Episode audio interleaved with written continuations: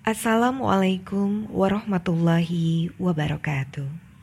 Asas pengabulan doa. Inilah segenap upaya dan gejolak dalam diriku, yaitu aku berdoa kepada Allah Ta'ala. Banyak harapan-harapan besar dalam keterkabulan doa. Bahkan ada janji yang jelas dari Tuhanku kepadaku, yaitu uji bukulah doa ika. Aku akan mengabulkan seluruh doa engkau.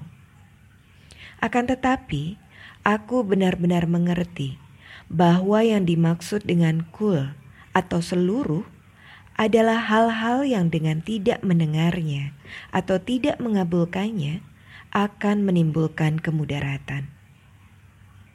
Akan tetapi jika Allah Ta'ala menginginkan tarbiyat dan islah atau perbaikan, maka penolakan itu sendiri merupakan pengabulan doa.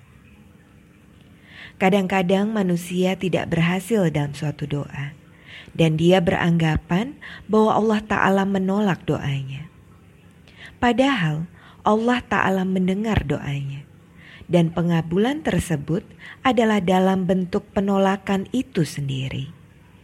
Sebab baginya, baik secara terselubung maupun hakikat, manfaat dan kebaikan terdapat dalam penolakan itu sendiri.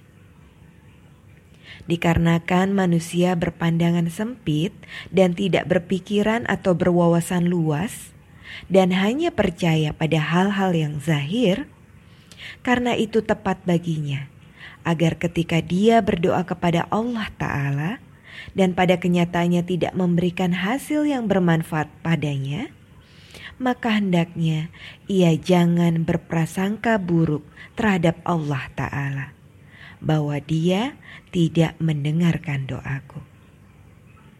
Dia mendengar doa setiap orang. Utsuni astajib lakum. Berdoalah kepadaku, aku kabulkan bagi kamu.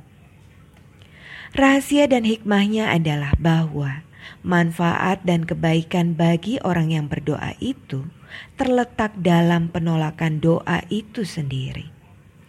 Ini asas dari doa. Dalam mengabulkan doa Allah Ta'ala tidak mengikuti kehendak dan pikiran kita. Lihatlah betapa sayangnya seorang ibu terhadap anak-anaknya dan sang ibu berkeinginan supaya jangan sampai mereka mendapat kesusahan apa pun. Akan tetapi, jika anak-anak merengek-rengek meminta hal-hal yang tidak bermanfaat, dan menangis meminta pisau tajam atau bara api yang menyala-nyala, maka dalam keadaan adanya kecintaan yang halal serta kasih sayang yang sejati, apakah seorang ibu akan pernah dapat membiarkan supaya anaknya mengambil bara api lalu membakar tangannya? Atau menghujamkan tangannya pada mata pisau yang tajam lalu memotong tangannya? Sama sekali tidak. Dari dasar inilah dapat dipahami mengenai asas pengabulan doa. Malfuzat jilid 1 halaman 106 sampai 107. Wassalamualaikum warahmatullahi wabarakatuh.